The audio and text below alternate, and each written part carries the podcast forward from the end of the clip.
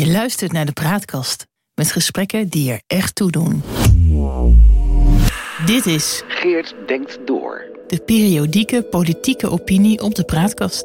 De visie op Politiek Den Haag volgens Geert Danes. Stem Victor Chevalier, tekst Geert Danes. Wereldwijd nieuws in de voetbalwereld. De 17-jarige Engelse profvoetballer Jake Daniels maakte bekend homoseksueel te zijn. Ik wil niet liegen en het gevoel hebben me anders te moeten voordoen dan ik ben om erbij te horen. In de media heette het dat Daniels had toegegeven homoseksueel te zijn. Daniels zelf gebruikte vergelijkbare woorden toen hij zei: Ik wil er gewoon vooruitkomen. Met alle begrip en sympathie voor een 17-jarige in de homofobe wereld van het profvoetbal, zulke woorden kunnen me laaiend maken. Wat nou ervoor uitkomen of toegeven? Dat zijn termen die horen bij het bekennen van crimineel gedrag. En dat zo'n jongen zulke woorden gebruikt en de pers het nog bonter maakt met het woord toegeven, dat duidt erop dat we nog steeds te maken hebben met ernstige vormen van homofobie in de wereld van het betaald voetbal.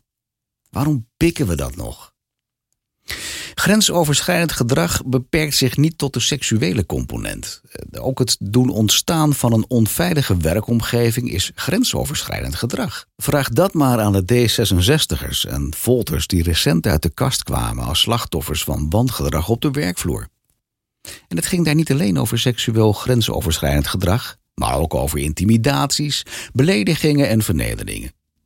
En als er één werkomgeving onveilig is, dan is het die van de homoseksueel in het profvoetbal. In de kleedkamer moet hij flauwe grappen horen over bruinwerkers en ranzig gelul over tieten doorstaan. Vanaf de tribune dalen de beledigende spreekwoorden over mietjes op hem neer. En niet voor niets is er nog steeds niet één, let wel, niet één mannelijke homoseksuele Nederlandse profvoetballer die uit de kast is gekomen. Nul. Zero. Nada. Het is een ongekend schandaal. Een niet te negeren bewijs hoe onveilig die werkomgeving is. Gevraagd naar de stellingname van de Koninklijke Nederlandse Voetbalbond, de KNVB, zegt woordvoerder Jaap Palsen: Discriminatie is een breder maatschappelijk probleem. Dit komt niet alleen in het voetbal voor.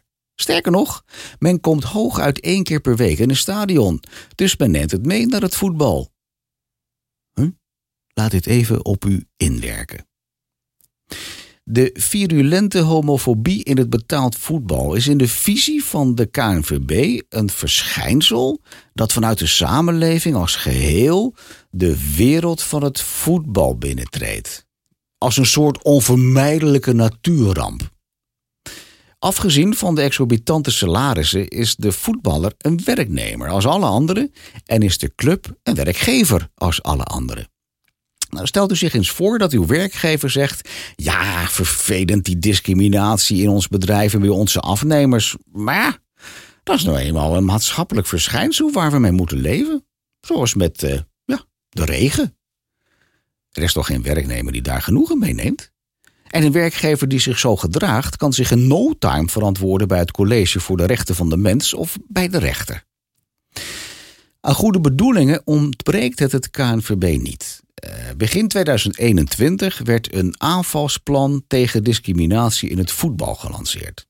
Ons voetbal is van iedereen. Onze aanpak.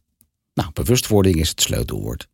De One Love Campaign moet daarin, of spreek je dat anders uit? De, de One Love campagne, nou, doet er niet toe, moet daarin het vliegwiel zijn. Antidiscriminatieverklaringen, statements bij incidenten, aanhaken bij de jaarlijkse Coming Out Day. One Love aanvoerdersbanden om de armen van uh, voetballers. Hmm. One Love buttons voor de bezoekers, uitgedeeld door Barbara Barend.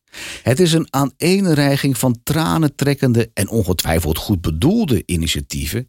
Maar het is natuurlijk allemaal flauwekul in de wetenschap dat anno 2022 het Nederlandse profvoetbal nog steeds geen enkele openlijk homoseksuele voetballer kent. Geen hond maakt mij wijs dat er onder de honderden, honderden topvoetballers niet minstens tien homo's rondlopen. In november 2019 raakte heel Nederland ontroerd toen de Excelsior-speler Amat Mendes Morera huilend het veld verliet nadat vanaf de tribune racistisch bejegend te zijn. Oerwoudgeluiden, bananen, dat werk. Oranje aanvoerder Giorgino Wijnaldum, drager van de One Love aanvoerdersband en toenmalig bondscoach Ronald Koeman waren glashelder in hun stellingname. Onaanvaardbaar. Mendes Morera kreeg van de medespelers armen om de schouder. En Frenkie de Jong, wit, en Giorgino Wijnaldum, gekleurd, legden bij een volgende wedstrijd demonstratief de armen naast elkaar om hun afschuw over het racisme te onderstrepen. De foto's gingen de wereld over. Waar blijft eenzelfde actie voor een homoseksuele voetballer die vanaf de tribune vergelijkbare vernederingen moet ondergaan? Welke homoseksuele voetballer heeft het lef het veld te verlaten zodra de homofobe koren klinken? Wie leggen de homo armen over de schouder en verklaren de oorlog aan de homofobe drek? Waar blijven de bondscoach en de KNVB om voor eens en voor altijd duidelijk te maken dat een veilige werkomgeving niet alleen een zaak is van normale werkkringen, maar ook van de abnormale entourage van het betaald voetbal. Waarom gooit de KNVB niet clubbestuurders eruit wanneer zij tekortschieten in het beschermen van hun kwetsbare werknemers? Letterlijk door ze het KNVB-pand uit te zetten wanneer ze daar binnenlopen voor een vergadering of een andere bijeenkomst. Iedereen heeft nu de mond vol van de dappere Jake Daniels. Goed voorbeeld doet goed volgen. Dus homo's in de profclubs. Uit de kast en de bijl erin. Als je in staat bent om tonnen of miljoenen te cashen om tegen een bal te trappen, moet het toch een fluitje van een cent zijn om die voetbalbazen een lesje te leren. Als een 17-jarige Brit van de tweede divisie dat kan, kun jij het zeker. Je bent toch geen mietje? Was getekend Geert Dales, 18 mei 2022. De praatkast.